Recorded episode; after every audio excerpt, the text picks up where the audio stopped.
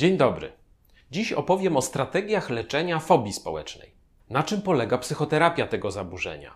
Jakie leki się stosuje i kiedy? Istotą fobii społecznej jest lęk przed kontaktami międzyludzkimi. Pojawia się wtedy lękowa obawa: zostanę źle oceniony, skompromituję się. Obawie tej towarzyszą objawy zarówno psychiczne, czyli lęk aż do napadu paniki, oraz objawy cielesne: kołatanie serca, pocenie, czerwienienie się, drżenie rąk, drżenie głosu i tym podobne. W leczeniu fobii społecznej stosujemy dwie główne metody: psychoterapię oraz farmakoterapię. Omówię założenia każdej z tych metod. U pacjenta z fobią społeczną powinno się zawsze rozważyć psychoterapię. Złotym standardem jest psychoterapia poznawczo-behawioralna. I właśnie o takiej będę mówił. Psychoterapia polega na wprowadzaniu i utrwalaniu zmian w myśleniu, zachowaniu pacjenta, reagowaniu na trudne sytuacje. Nad jakimi zmianami możemy pracować w fobii społecznej? W tym miejscu podam Wam wzór matematyczny na lęk. Brzmi to może dziwnie, ale uważam, że ma sens. Lęk jest wprost proporcjonalny do prawdopodobieństwa wystąpienia katastrofy. Przypadku fobii społecznej tą katastrofą jest zła ocena, kompromitacja w oczach innych ludzi. Czym mocniej wierzę w nadchodzącą katastrofę, tym silniejszy lęk odczuwam. Czasem prosimy pacjenta, aby określił w procentach prawdopodobieństwo katastrofy. Zero nie wierzę. 100% jestem pewien. Powoduje to, że pacjent zaczyna myśleć w kategoriach kontinuum zamiast myślenia czarno-białego. Boję się, nie boję się. O myśleniu czarno-białym powiem jeszcze nieco później.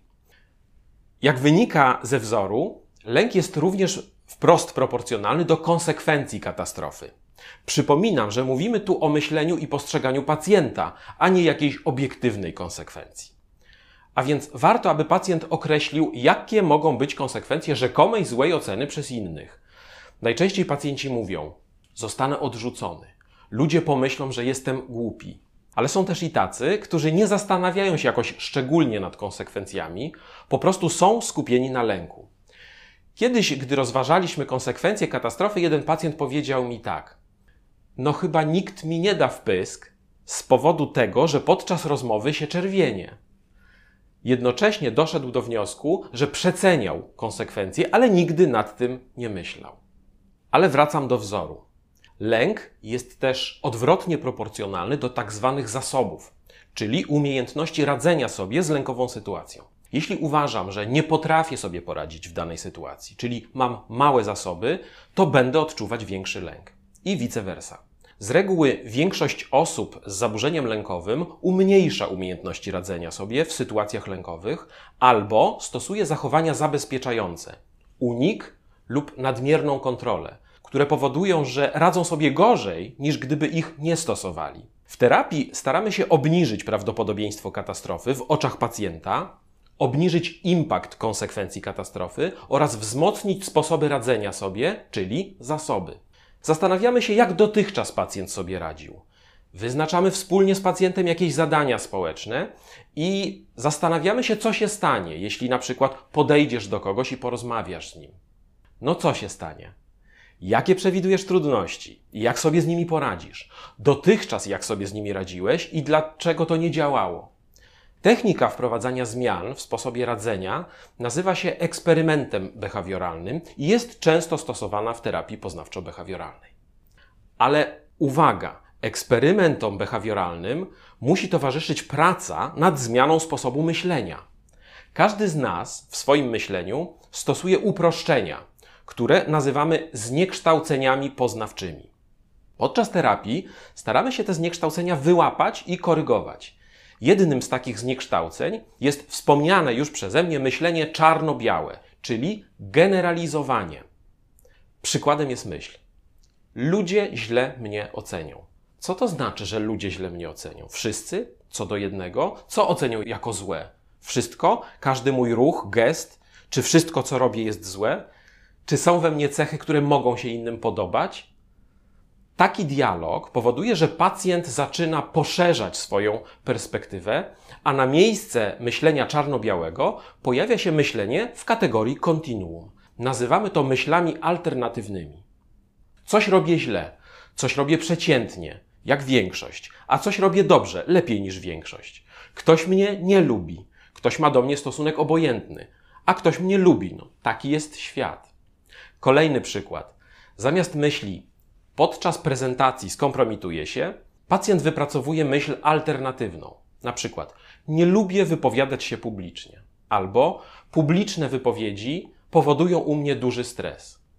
Ale to jest już zupełnie inna myśl i budzi inne emocje. Tego typu praca powoduje również poprawę samooceny, a problem z samooceną ma większość pacjentów z lękiem społecznym. Psychoterapia to jest proces rozłożony w czasie, momentami trudny.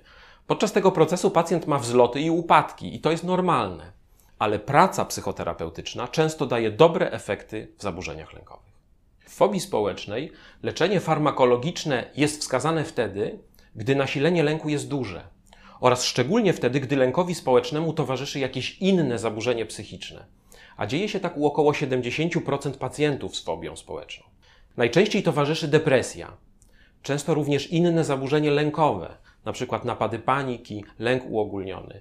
W takich stanach sama psychoterapia przebiega gorzej i warto zacząć od leku lub połączyć te metody. Kolejnym wskazaniem do farmakoterapii są silne objawy wegetatywne, przykład drżenie rąk, które bardzo przeszkadza pacjentowi, a jest spowodowane lękiem. Jakich leków używamy?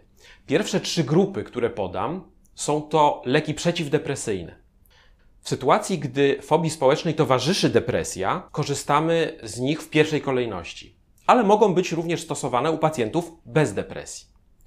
Inhibitory wychwytu zwrotnego serotoniny, w skrócie SSRI, Przykłady: paroksetyna, sertralina, estitalopram, fluwoksamina. SNRI inhibitory wychwytu zwrotnego serotoniny i noradrenaliny. Przedstawiciel tej grupy to venlafaxyna. Inhibitory monoaminooksydazy, w skrócie IMAO. Do tej grupy należy moklobemid. Kolejny lek, już nie należący do leków przeciwdepresyjnych, to pregabalina. Efekt leczenia tymi lekami pojawia się po pewnym czasie, najczęściej po 2-4 tygodniach. Kolejna grupa leków to benzodiazepiny. Są to leki o szybkim działaniu przeciwlękowym. Efekt jest już nawet po pół godziny od przyjęcia tabletki. Alprazolam, klonazepam, bromazepam to ich przykłady. Ale uwaga, benzodiazepiny uzależniają, dlatego powinny być stosowane tylko doraźnie albo przez krótki okres. Wspomnę jeszcze o propranololu, który pomaga w drżeniu rąk spowodowanym lękiem i jest dość często stosowany w tym wskazaniu w Polsce. Jeśli lek jest nieskuteczny albo źle tolerowany, to zmienia się go na inny, ale nie należy tego robić za szybko w przypadku leków przeciwdepresyjnych, pamiętając, że efekt pojawia się z opóźnieniem. Czasem dołącza się też drugi lek z innej grupy. Nazywamy to potencjalizacją leczenia.